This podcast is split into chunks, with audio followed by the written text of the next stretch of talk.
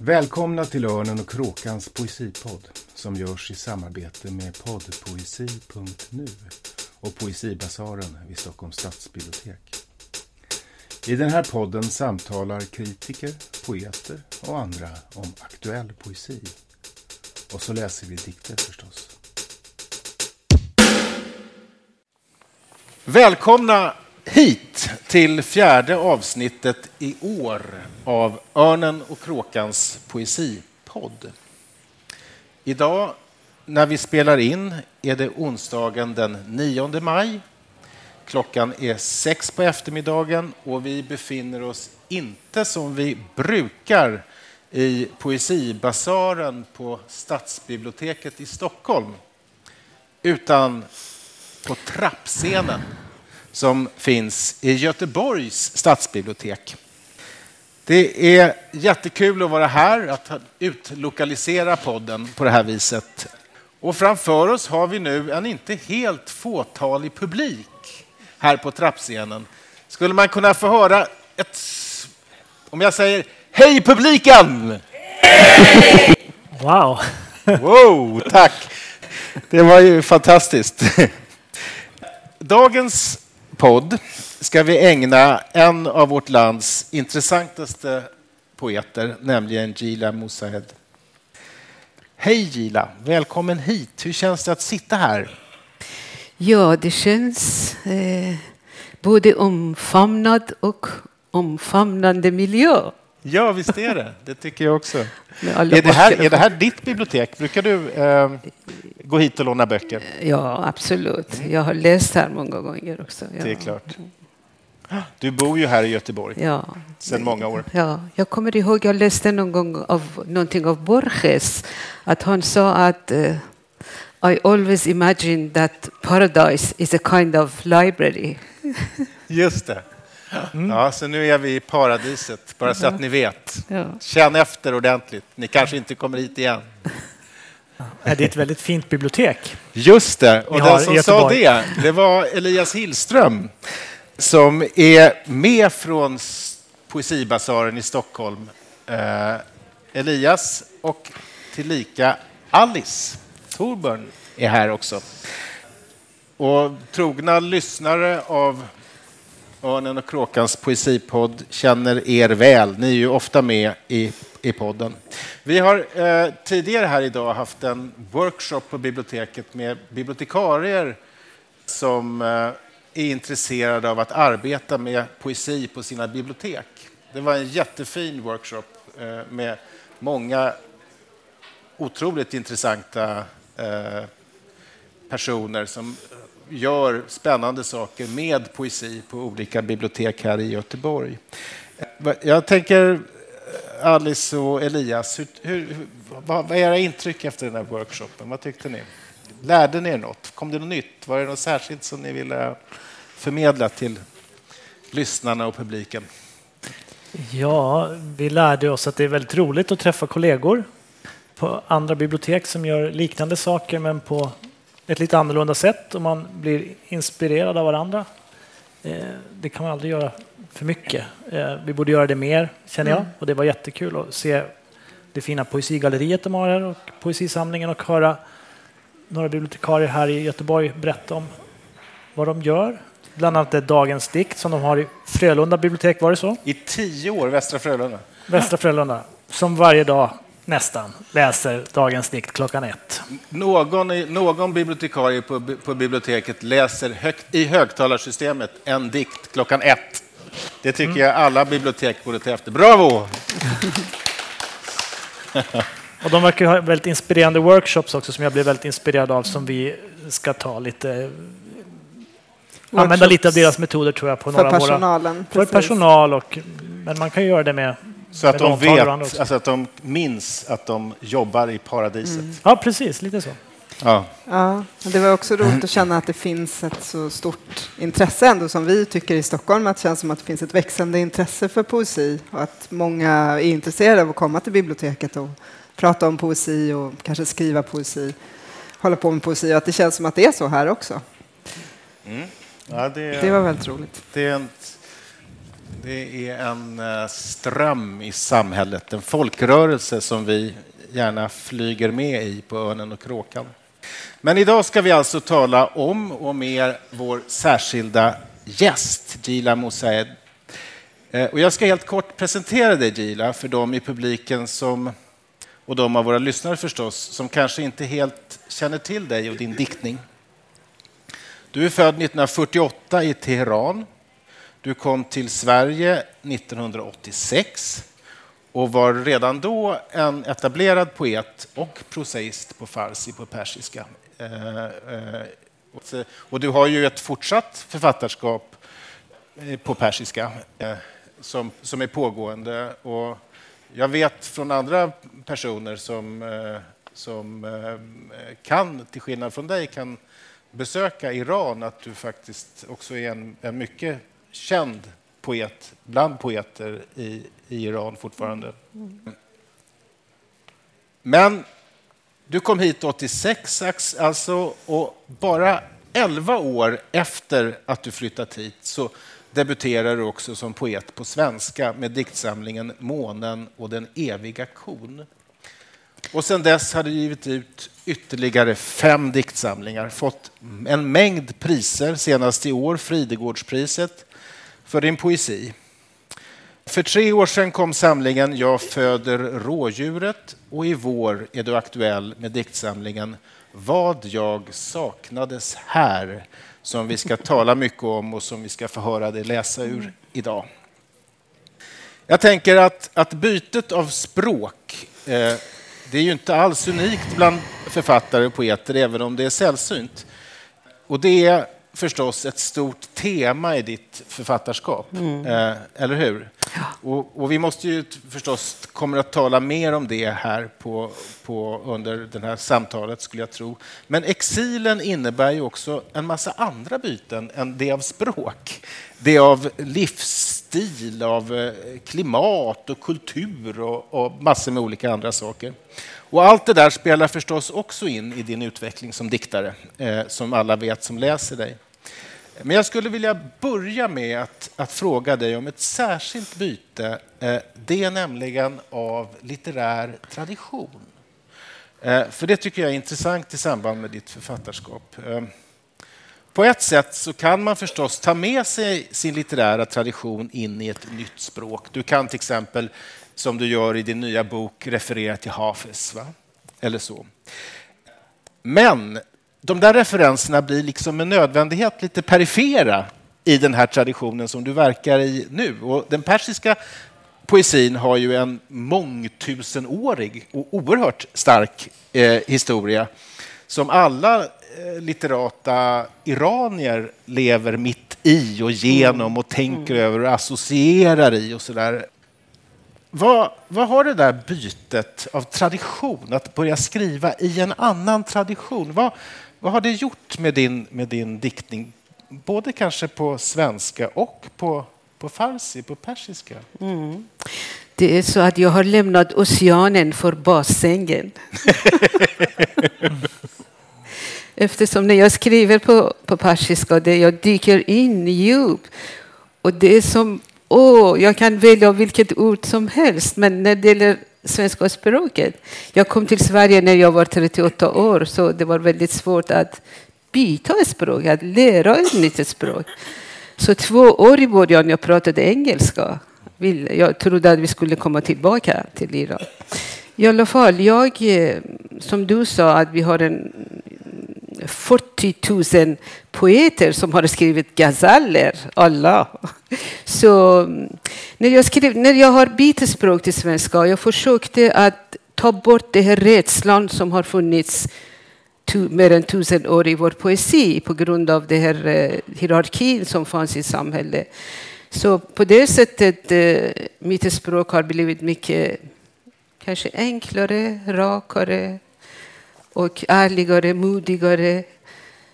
Och vi, vi är vana på persiska att eh, skapa eh, labyrinter av språk och eh, skriver eh, osynliga budskap som man måste bara läsa och gissa och förstå vad det betyder på grund av rädsla. Men det försvann i Men jag måste säga att det finns massor av symboler och metaforer som är eh, annorlunda i Sverige. Till exempel månen. Månen är en symbol av Mitras kulttid, eh, eh, gud, det är solens gud. Och eh, månen betyder att det är feminin, det är, eh, eh det är vackert, det är eh, foderbarn, det är så moderlig. Och det är orsaken av alla grönskan på jorden mm. i Mitras kult. Så i, i mina dikter det finns, jag har använt massor av gånger månen. Och alla poeter i Iran har alltid använt även Hafez månen som sina älskarinnor och så här, att de var så vackra som månen. Men i Sverige, månen är en han. Så det, eller hur? Så det är mycket skillnad.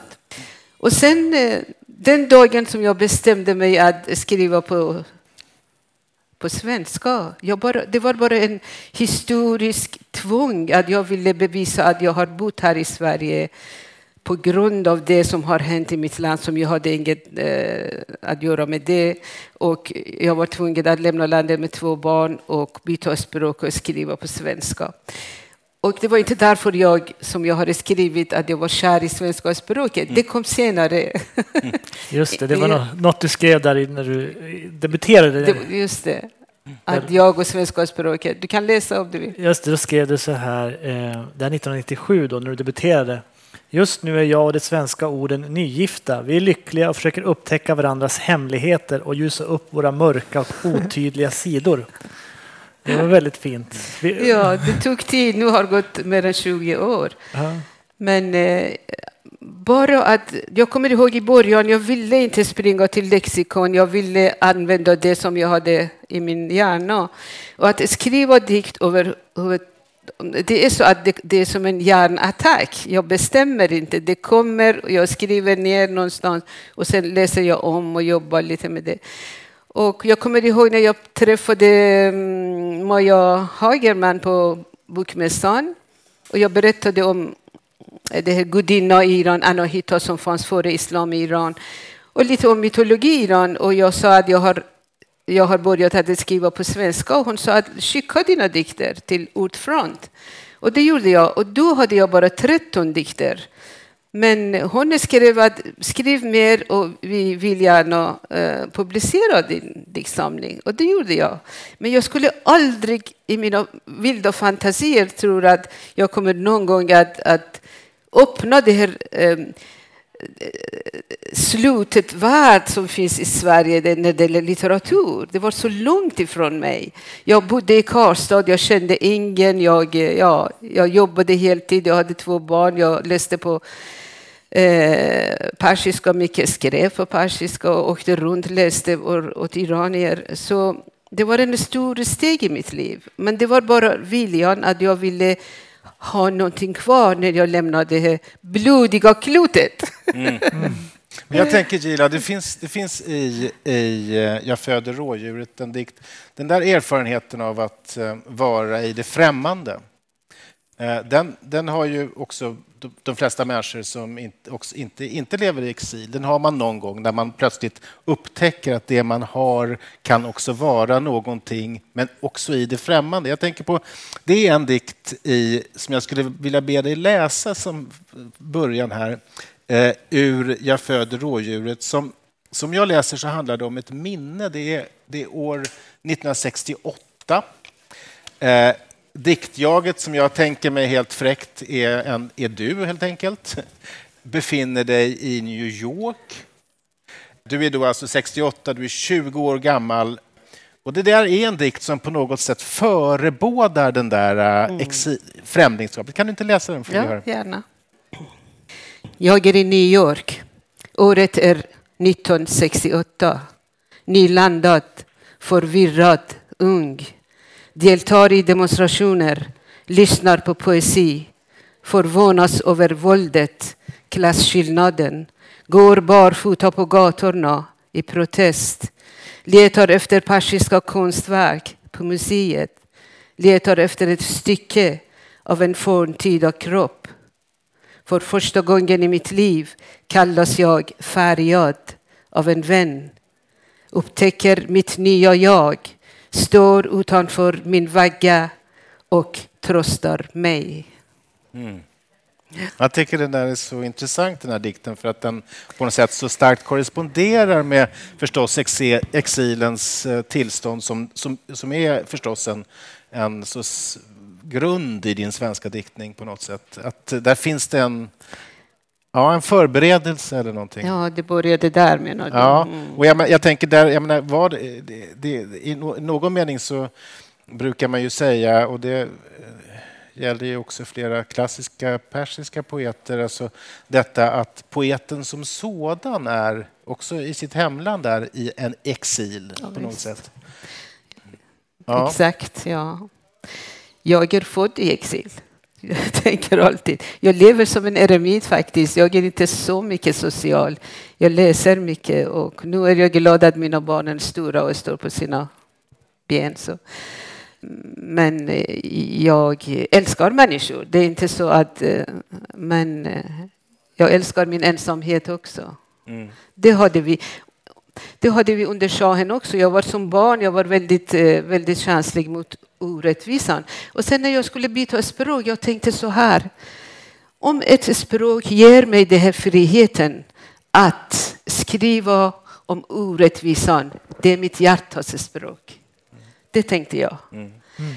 Och det spelade ingen roll om det var kinesisk eller svensk. Eller, eftersom i början jag tyckte, om, jag tyckte inte om svenska språket.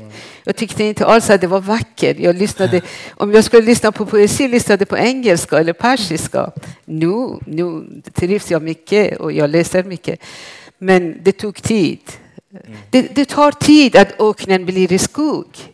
Så eh, det är inte så att eh, när man lämnar sitt land allt kommer att ändra sig fort. Det går inte, det är omöjligt. Mm. Jag menar, eh, varje, varje morgon när jag vaknade i början jag såg en jätte framför, framför mig som inte förstod mina drömmar. Mm.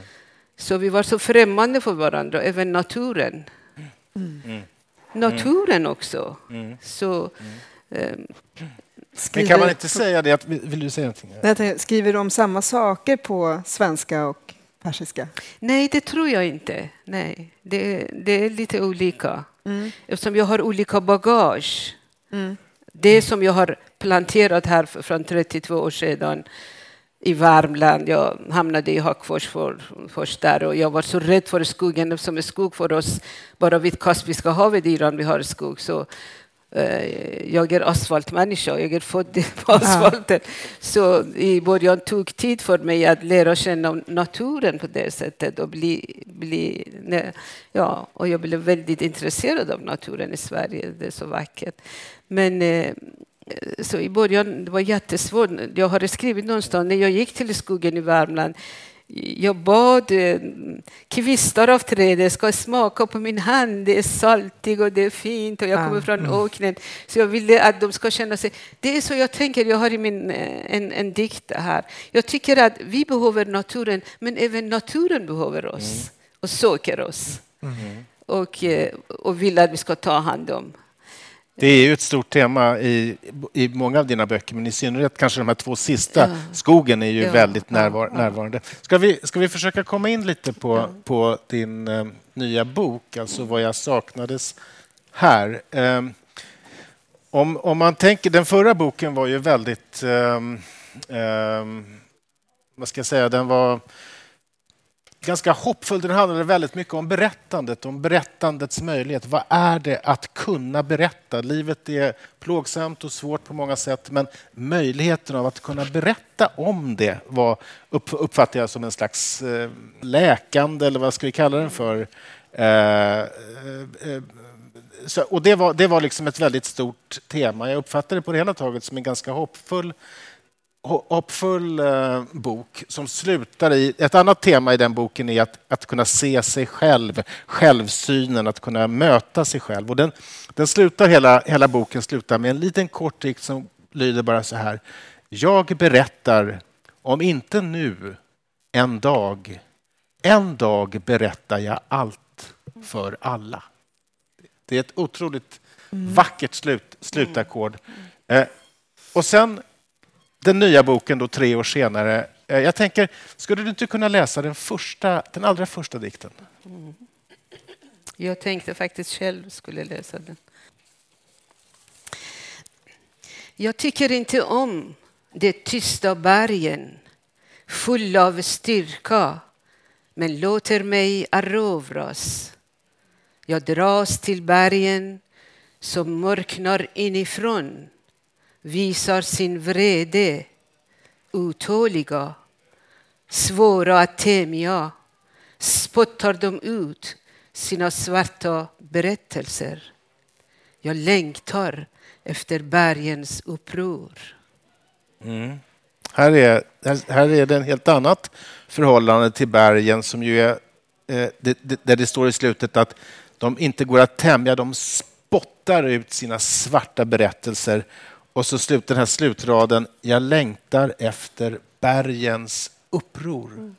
Jag måste säga att för mig, det finns en tema i den här boken, kanske det är lite osynligt, men jag har några dikter, kanske fyra, att jag uppmanar det här upproret, att det ska bli någon gång. Och det ska, det ska, det ska hända någon gång. Att, så, mm.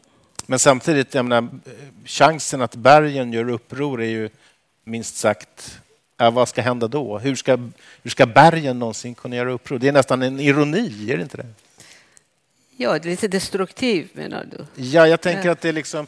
eh, Man, eh, om, om något ska göra uppror så träden kanske, eller fåglarna eller djuren eller någonting. Men hur ska berg... Vad, vad, är- vad, är berg, vad består bergens uppror i? Ja, när det kommer elden. Vulkanutbrott, Vulkan- jordbävningar. Det, är- det är jordens slut nästan. Det, är, det är en... eh, Ja. Ja. Och så det är symboliskt. Så. Mm. Att eh, alla som har inte rätt att prata och de har i sitt hjärta och lagrades där, någon gång kommer ut. Ja. Mm. Så det kommer någon gång. Jag kommer inte att leva, men det kommer. Jag hoppas att det kommer någon gång. Mm. Ja. Eh, Ska vi försöka beskriva boken lite, ni, vi som har läst den? Den består ju av tre avdelningar, eller hur? Den är drygt 80 sidor och det som du säger eh, i, i en mening ganska enkla dikter. De är ganska korta eh, och de har inte så många ord. De får nästan, nästan alla, tror jag, utom någon, får plats på en sida i boken. Sådär. Och, och jag tycker kanske att i den här, för min, som jag läser den, så är det den här, den här boken är det, det är som om du också har vad ska jag kalla det, ditt poetiska språk. Eh, som jag ju ändå, sättet att använda bilder till exempel, associerar jag väldigt starkt med den persiska traditionen.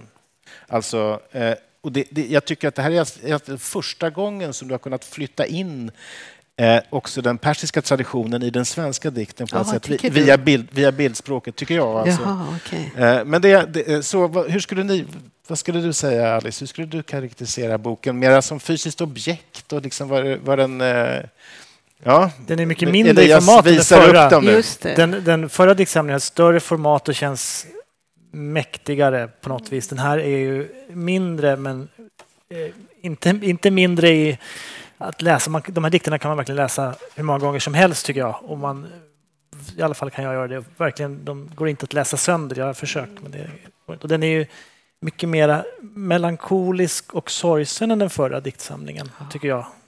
Men också att du har kommit till någon slags ro, känns det lite grann.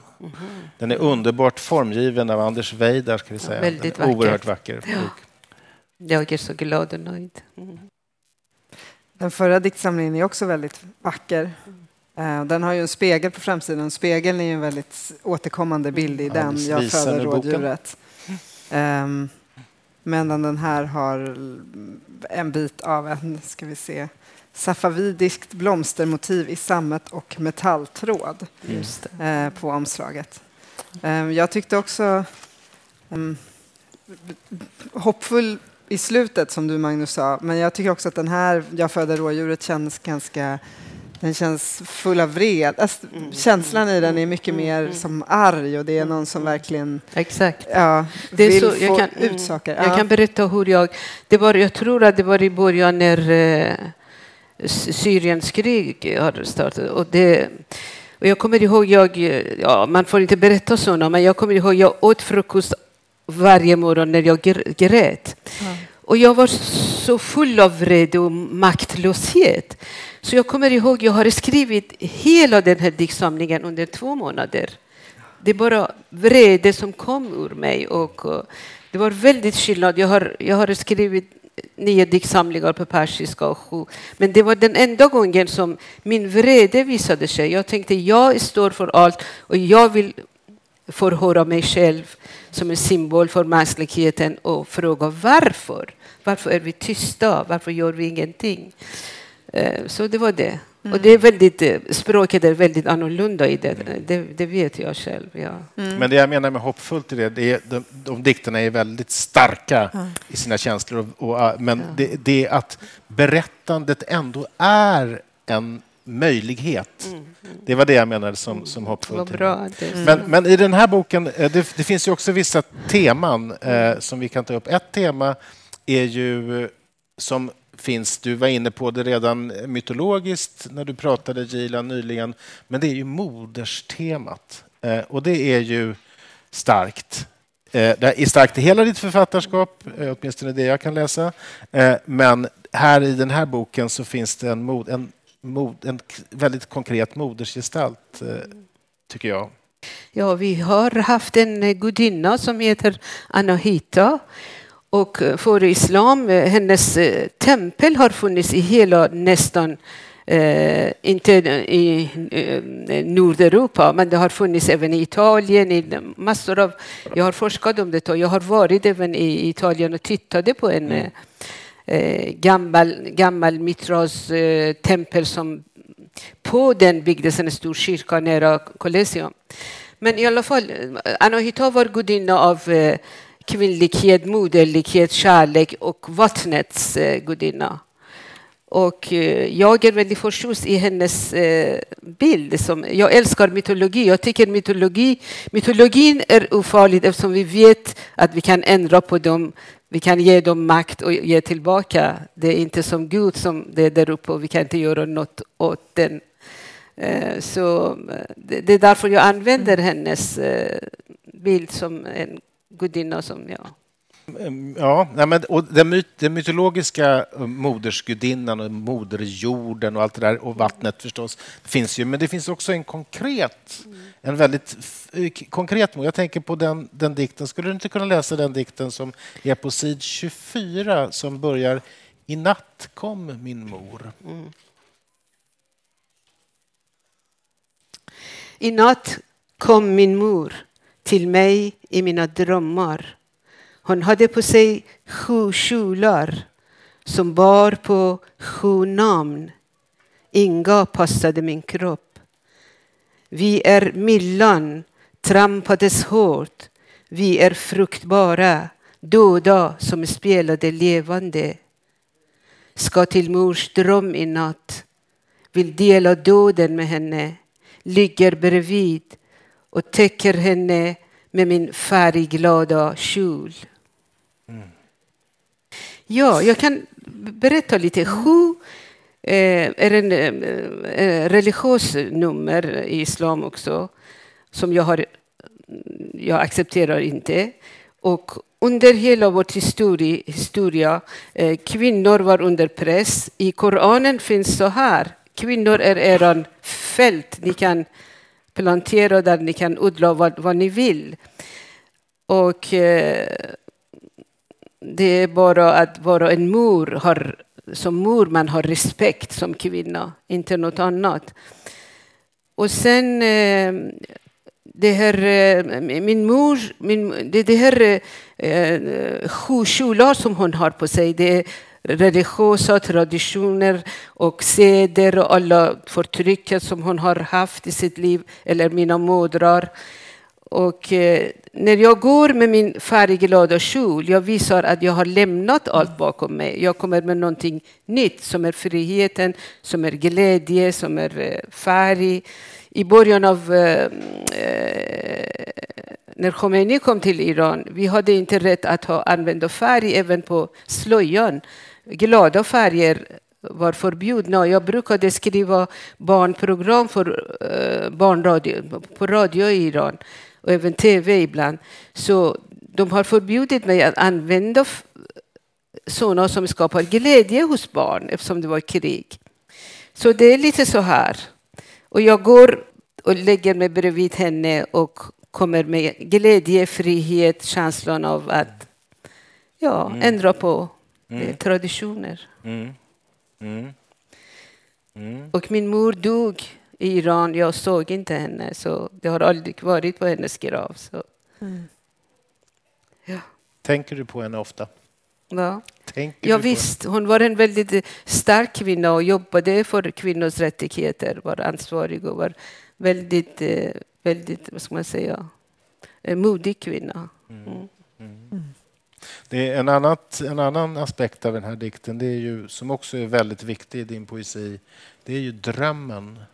Det är nästan som om drömvärlden är lika manifest nästan som den verkliga världen. Är, är, det så, är det så att du drömmer mycket och att du hämtar mycket ur drömmen? Ja, jag har varit, jag är en drömsk människa. Jag är en melankolisk, pessimistisk. Min son säger mamma, om du, du är melankolisk, om du har inte melankoli, du beställer att det kommer med post. Men det är nästan alltid natt och mörkt och det är skugg. Nej, I den här, just i den här diktsamlingen Ja. är mycket... Men jag måste säga någonting. Att glädje säger i, i, i forntida persiska litteratur, eller eh, Zarathustra, att de säger glädje var den första skapelse. Och jag älskar glädje. Jag skrattar så gott. Jag söker glädje. Jag vill gärna skapa glädje. Men jag skri- när jag skriver, det är bara melankoliska dikter. Och det är därför att världen ser ut så här.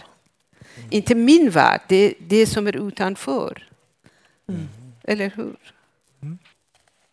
Men tänker du också på alltså moden i dikten? Är den också någonting som har med jorden eller kanske landet Iran och så att göra? Jag vet att det, det fanns en dikt i den här som vi, Vi jag pratade tittade om på den som ja. pratade om moder jorden. Mm. Får jag läsa den ur Ja. Jag födde rådjuret. Sista gången jag träffade moderjorden var hon svartklädd och försökte dölja sina sår. Kunde inte prata. Lämnade tillbaka orden och somnade om i min famn. Mm. Just det. Det är så jag måste säga, i i början när jag flyttade som flykting hit, eh, huset, landet var väldigt viktigt för mig. Jag kommer ihåg huset alltid stod vid eh, hörnet av mitt rum och alla ljus på alla rum var på. Och det var så att jag skulle kvävas och det var så starkt i min värld. Men med tiden, med tiden, det här huset blev, blev som en miniatyr och flyttade till det här gigantiska ytan av språkets makt. Och det, kom, det här huset kom till, till, eh, till vad ska man säga, det geografiska Eh, språket som jag har, eh, som jag har upplevt och lärt, lärt mig här i Sverige. Så på det sättet, jag kände mig lättare efter ett tag. Och just nu, jag måste säga, jag längtar inte alls efter stenar eller jord eller eh, inte såna i Iran. Det är mitt språk och min kultur som finns i mig, i min själ.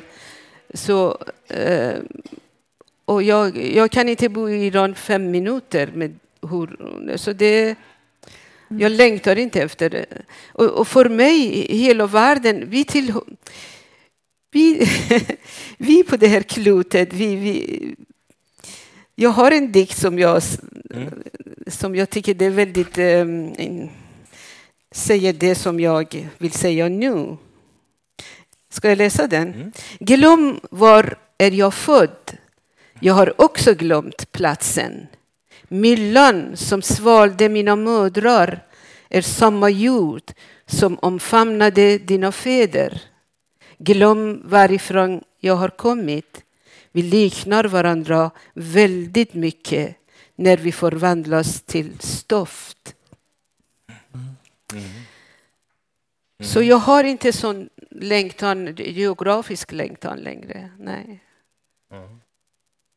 Men, du har ju, men samtidigt finns det ju en stark eh, starkt förhållande till platsen. Det, och det kanske inte är Iran längre, utan, men det är starkt... Eh, jag tänker på de här dikterna till exempel om, om skogen, om träd. Den här dikten om asparna där som du vill. Ja, kan du inte läsa den? Som är på sid 17? Dikten om asparna där, är det på sid 17? Där? Sid 17, kan du inte läsa den?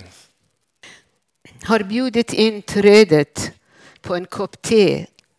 Bägge lider vi när det blåser hårt.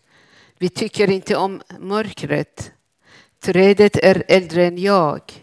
Vi har mycket att berätta för varandra.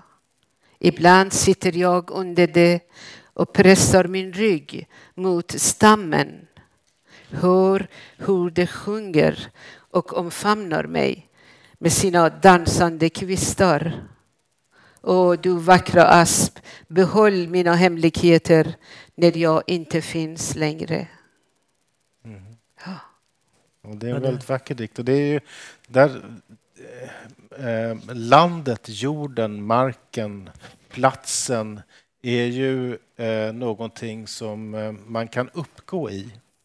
Eh, och det har ju, vad ska jag säga, den exilens längtan är ju ofta längtan efter den plats där jag eh, där jag i någon, men, i någon mening kan transcendera från mig själv, att, man liksom, att jag kan bli... Eh, och det känns som att du i den här boken, tycker jag, har lämnat det ganska mycket. Eh, också att, som jag sa tidigare, att du har integrerat den, den persiska traditionen i din dikt, i bildspråket framför allt, sättet att använda bildspråket. Men också då den här tredje saken som just har att göra med att du skapar dig en plats, till exempel i förhållande till det här trädet som ju blir något som, som, som, som kan eh, hålla dina hemligheter när, när du är död och inte längre finns. Att det, att det blir en, en ganska partikulär platslighet. Som får, det är så att man, man litar på naturen. Och naturen har funnits innan vi kom till eh, världen. Just det. Ja, till det. Så det är en sort av en gammal, vad ska man säga, så man har tilltro till varandra. Och, ja. Men du, du litar på den svenska naturen nu. I den här dikten så känns det som att du känner ja, dig, du litar på aspen. Ja, när, du, förut, ja, när du kom till Sverige först var du lite mer rädd. Det är det som är känslan i den här dik, diktsamlingen mycket. Att du ändå har kommit lite till, till ro med det svenska. Exakt. Med, med träden. Och, Får man fråga varför det är en asp?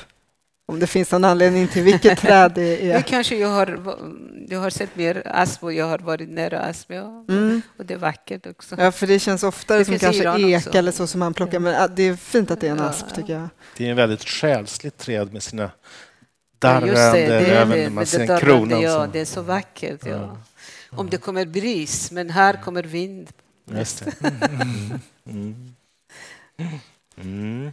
Ett annat tema som vi kanske rörde vid lite, det är, tycker jag, eh, åldrandet och döden kanske. Det finns många dö flera dödsdikter i den här, i den här boken eh, som eh, på olika sätt. Den här, den här dikten var ju om, om Aspen är ju på ett sätt en dikt om döden eftersom Aspen, man, jaget överlämnar sig och sin hemlighet åt åt, åt aspen. Vad, eh, vad, hur kommer det sig att det, är så, att det är ett så starkt tema i den här boken?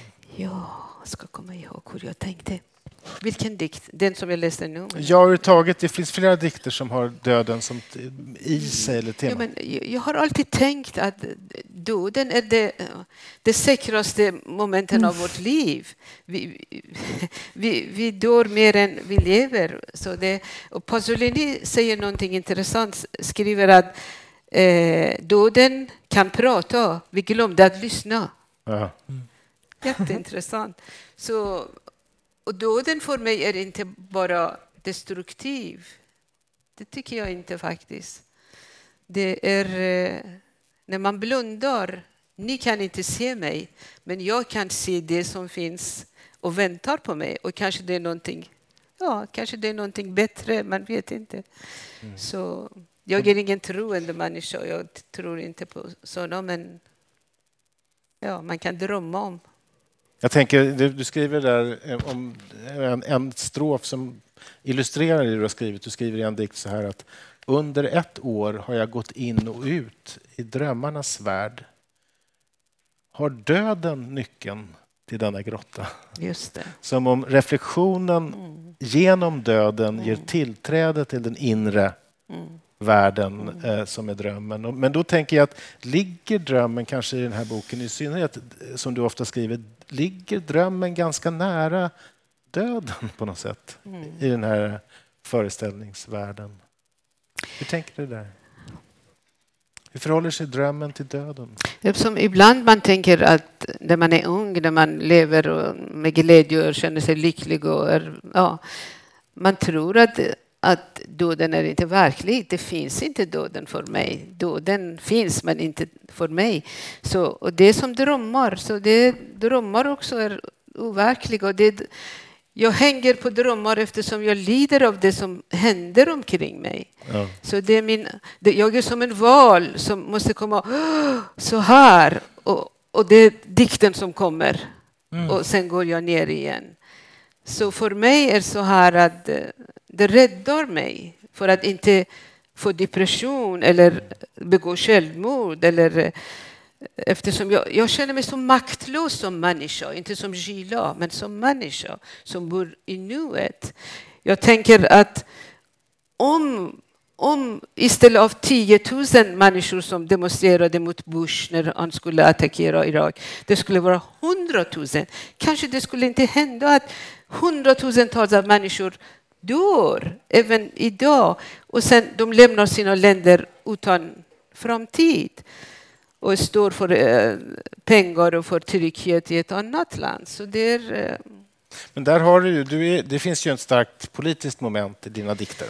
Alltså Ja. i den meningen att de tar väldigt starkt, de tar ställning för upproret eller de tar ställning för på något sätt. Men hur tänker du? Tänker du också att de har en politisk verkan på något sätt? Känns det att, du, att det är en politisk handling att, att skriva en dikt för dig? Eller är det bara något som du måste göra? Det är bara det som jag måste göra. Den enda, den enda som jag kan bra i den här världen att, att skriva dikter, eftersom jag började som barn. Och det var därför att jag såg så orättvisor omkring mig. Så det, jag har växt upp med, med min poesi. Det är min skydd, det är min slöja, det, det, det är min allt. Det var, det var poesin som gjorde att du var tvungen att lämna Iran också. Att Ja, du skrev poesi. Ja, lite grann. När jag Ja. kom med min diktsamling, jag fick två recensioner som var väldigt hotfulla och förnedrande. Och sen eh, gardisterna kom hem till mig. Och, så det var efter det. Och, ja. Mm. Men jag, var, jag har aldrig varit politiskt aktiv. Jag är en fritänkare. Jag står där som finns rättvisan, men jag vill inte tillhöra någon grupp eller någon ism i världen. Eh, Eftersom alla ismer visade att eh, de har inte gjort bra hittills. Mm. Vi hoppas på bättre. Ja.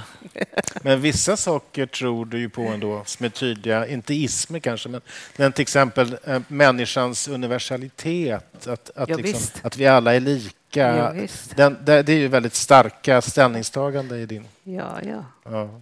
Mm. Jag kan respektera eh, marxismen, men jag tror inte 100 procent på... Jag vill inte tro 100 procent på allt. Så, så min sökande tar slut i så fall. Mm. Jag vill vara sökare, jag vill eh, kritisera, jag vill vara vaken. Jag vill ha tusentals ögon för att se och berätta.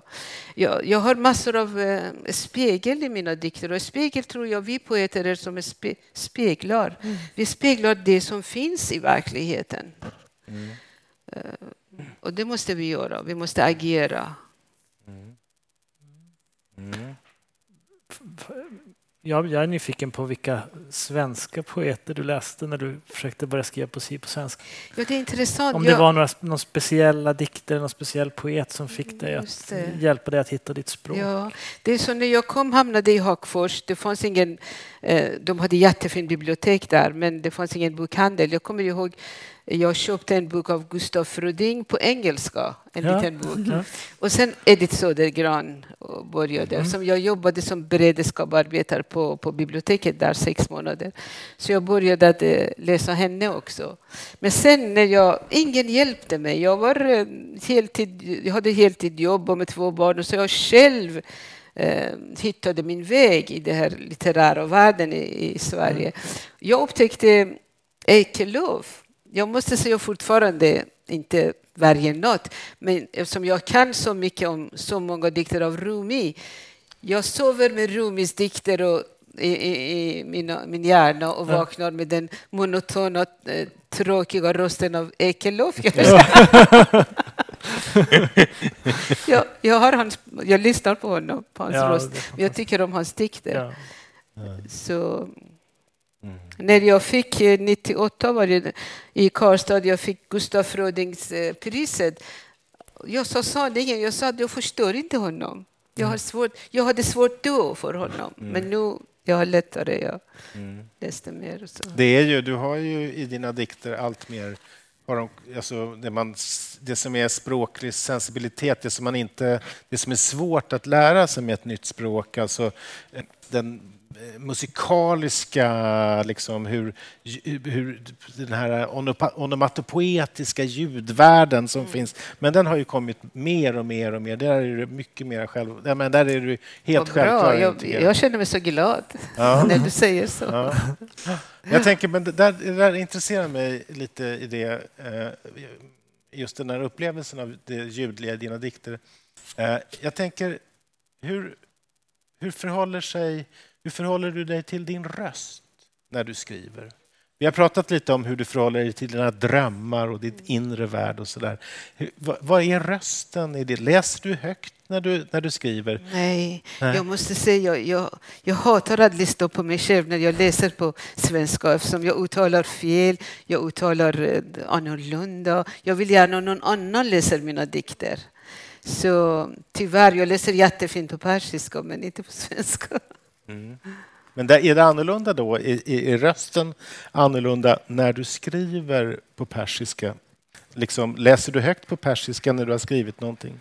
An, använder ja, du rösten? jag. När du, Det gör jag faktiskt, ja. Ja. Det gör jag. Men eh, på svenska, jag, ja, som jag sa, jag, jag, kom, jag kom så sent i Sverige så om jag önskade jag var i på mm, Biskopsarnö och jag sa till studenter jag önskade att jag var som 18-årig i Sverige. Så jag skulle lära mig språket, jag skulle skriva mycket mer och mycket bättre kanske. Så, Men, men jag gissar att det som är, mycket av det som är fantastiskt och unikt med dina senaste två böcker här är att du lärde dig språket när du, när du var äldre och att du har en slags... Du behandlar sp- språket, du ser det på ett nytt sätt som vi kan vara blinda för som är helt inne med alla klichéer och att du kan se, smaka på orden för första gången på ett annat sätt än vad en infödd... Jag vet inte om det, men jag tänker mig att det kan bero på det en del. Ja, men ibland måste jag säga, mitt på natten jag vaknar och jag säger, hur vågar du gilla att skriva på svenska? Du kan inte svenska. Men där, det där är ett starkt tema i din, i din poesi, en slags eh, känsla för just din betydelse i världen. Eh, det, alltså att just du, att du är i världen. Eh, det finns en dikt här på sidan 83 som uttrycker just det. Det är sista dikten i samlingen också. Ja. 83. Ja, den sista Vill du dikten. läsa själv? Nej, jag, tyck, jag tycker du ska läsa Jaha, förstås. okej. Utan mig finns du inte. Utan min förändring, förvandling finns du inte. Utan min kropp har du ingen plats att uppenbara dig på. Utan mina subjektiva illusioner kan du inte finnas. Och du tid, jag är din trogna mor. Det är en otroligt eh, kraftfull dikt, eller Ja, hur? det är en bra- att det liksom att eh, känslan av att själva tiden, Tiden, föds ja. genom ens kropp. Ja, tiden har varit... Eh, eh, före islam vi hade en gud som var Zorvan och det var tidens gud. Och det, alla trodde på... De var determinister och så. Och eh, det finns mycket om tiden i våra gamla poeter som Hafez och Rumi och eh, alla andra. Att alltid de säger att ja, det är ja, det är som det ska vara, bli, så det, vi har ingen makt över tiden. Men Rumi är mot det ibland faktiskt. Eh, Han, säger, när du, det, han har en dikt som säger en rad, säger när du tänker människa att du ska göra det eller det, det är därför att du har viljan, du kan välja. Så Mm. Mm. Det är ju, den här dikten den, den, den får ju sin lösning på slutet i den här eh, sista två raderna som då lyder Å, å du tid, jag är din trogne mor. Men innan dess så tänker man ju vad är det hon säger? Det. Utan mig finns du inte. Vem är jag då? Utan min förändring, förvandling finns du inte. Så att man, är, man är alldeles i upp, uppror och tänker vad är det här? Vad säger hon för någonting? Och så kommer det där vackra uh, slutet. Å du tid, jag är din trogne mor. Och så förstår man att duet här är, är tiden. Uh, det, är, det, är en, det är en otroligt uh, effektiv och vacker, vacker dikt. Den har ju faktiskt vissa likheter också med den sista i den här Jag föder rådjuret som vi pratade om innan. Precis. Nu har jag hittat till mitt hjärta min egen kropp. Det är ju lite samma budskap faktiskt, samma känsla av att man har, jag har kraft, jag har funnit, funnit mig själv eller min röst. Mm. Men det finns ju också, apropå det finns det ju en del dikter också om, om orden och så i den här. Också ibland en längtan efter att vara ordlös. Ja, det gör jag. Ibland, ja. ja. Om att vara som att... Jag tänker ibland på tystnaden som har, har funnits innan orden skapades. Beckett säger orden är den enda som vi har. Mm. Men innan dess, hur, hur, hur var det? det? Det är en gåta. Mm. Den dikten tycker jag är fantastiskt vacker som är på sidan. Eh, sitter vid elden mm. är i begynnelsens tid. Ja. Eh, får du gärna läsa om ja. du vill.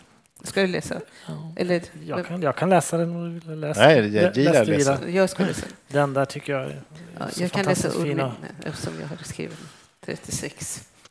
Sitter vid elden, är i begynnelsens tid. Orden blåser in och värmer oss. Orden och elden har vi själva skapat. En dag kommer ett nytt sätt att närma oss varandra. Kärleken är fortfarande ett spädbarn. Vi upptäcker nya vägar att förnimma våra själar. Jag blir alldeles glad av den dikten. Jag tycker mm. den är så hoppfull. Att det, bra, det vi är bara i början. Det kommer att bli fantastiskt. Bara vi. Mm. Mm. mm. Också den som jag tänkte på innan med den ordlösa, den har ju faktiskt också en sån förhoppning om att lyssna på de ursprungliga rösterna. Mm. Det som du sa, det är sida 33. Vill du läsa den också? Ja. vi kräver mycket av dig här. Nej, men det är bara när vi har, när vi har glädje, glädje. Vill tillbaka till den ordlösa tiden, till tystnadens trädgård. Vill inte kunna så många ord, bära dem vill inte bli förstådd, inte försöka förstå. Vill uttrycka mig enkelt, vilt, med ordlösa ljud.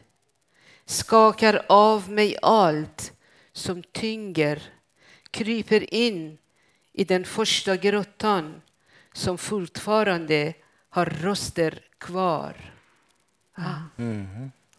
Det finns röster kvar kanske, mm. Mm. utan ord. Mm.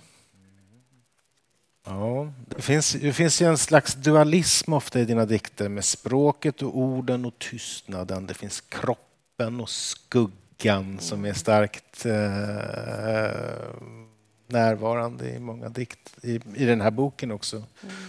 Eh, hur, hur, kommer det sig, tror du, att du tänker i, i de här dualistiska termerna? Liksom, ja, kropp och skugga, språk, ord. Att, de där, att den där dualismen... Som finns, ja, det ena och det andra, ofta. Ljus och mörker också. Dröm och vaka. Ofta utspelar sig dina dikter på gränsen mellan två. Mellan, som den här dikten om den ordlösa orden. Att den liksom ja, mellan kropp och skugga. skugga. Mm. Mm. mm. Det finns väl skuggor som söker kroppar? Mm. På något ja, ställe i den här. Skuggor, ja, ja. Mm. Men eh, I den här dikten som eh, skuggor söker kroppar, jag menade att eh, naturen och träden har minne av oss. Och det är de som kommer till mitt rum och sen de söker sina gamla kroppar. Ja, det var någonting sånt. Här finns det ju ett, du är ju, och jag också, det måste jag gärna säga, antimonoteist. Du är emot den där guden där uppe som är ensam och han och sitter där. Eh, och det, det, vill jag, det, jag är helt på ditt lag. men, men det finns ju ett starkt eh, vad ska vi säga, religiöst i den meningen att gränsen mellan liv och död och, att, och, och det mytologiska och de mytologiska gudarna som ju, det, är inte en, det är inte en tro i konfessionell mening men det är en... Nej, det, är en... det finns en sorts av mysticism. Aha. Så jag, jag, tror på det här gnosticismen som fanns före, före islam. Och det var, vi har en stor eh, filosof som efter islam, de dödade honom, Sohrawardi, som han gav liv igen till det här uh, filosofi. Och det handlade om ljuset och det handlade om att eh, människan är Gud själv. Om man går till sitt hjärta, sitt eget hjärta och upptäcker sig själv, hur mycket resurser finns som människa. Vi är Gud själva. Och det, det, var det som många, många poeter blev avrättade och deras verk brändes ner eftersom de trodde på det i eh, fjärde century av islam faktiskt. Så många av våra stora tänkare. Så kanske det är det som, du, som jag tycker om det här eh, att eh, även Rumi säger också att eh, världens centrum är hjärt, människans hjärta. Så, och, och, och jag tänker så här att att poesin är en, är en blödande, riktig organ i vår, våra själar. Mm. Det är så. Kanske det syns inte utifrån, men jag känner att det finns en organ i mig som blöder när jag ser orättvisor. Och det är därför jag måste skriva.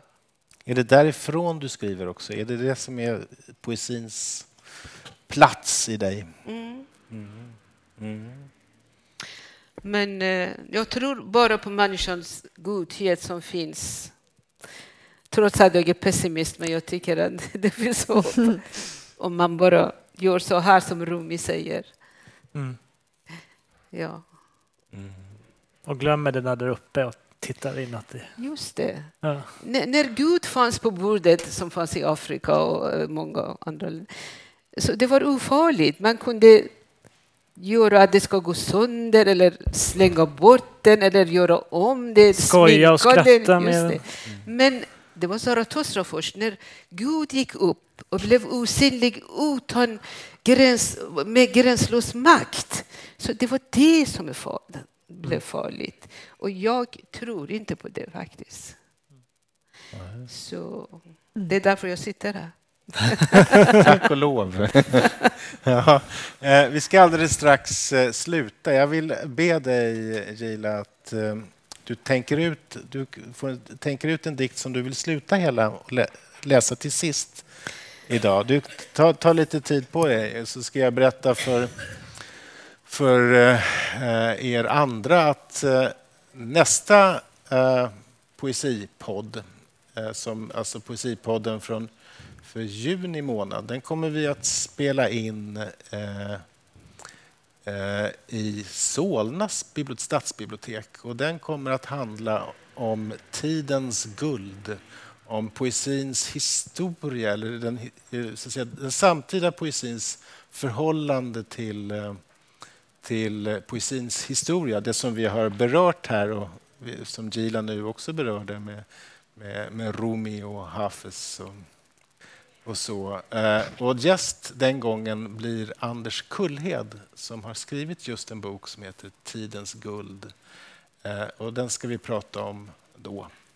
Men nu ska vi sluta den här podden. Jag vill eh, tacka Gila förstås allra mest och Elias och Alice och Göteborgs stadsbibliotek för att vi har fått vara här och hela publiken som fortfarande sitter kvar och är nästan oräkneliga här på trappscenen. Men vi ska få sluta då med att höra en sista dikt av Gila. Ett barn vid havet är fött med mina tänder är på väg mot djupet. Trapporna är slitna. Gudinnans lilla staty välkomnar mig. Svaret finns under mina fötter. Det är kallt på marken. Är redo. Lämnar min ryggsäck åt mörkret. Lägger kinden mot marken och blundar. Åh, vad jag saknades här. Tack. Tack. Tack så mycket Gilla. Tack. Tack själva.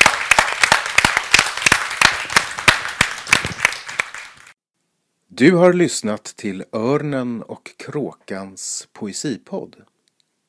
Läs mycket mer om aktuell poesi på ornenochkrakan.se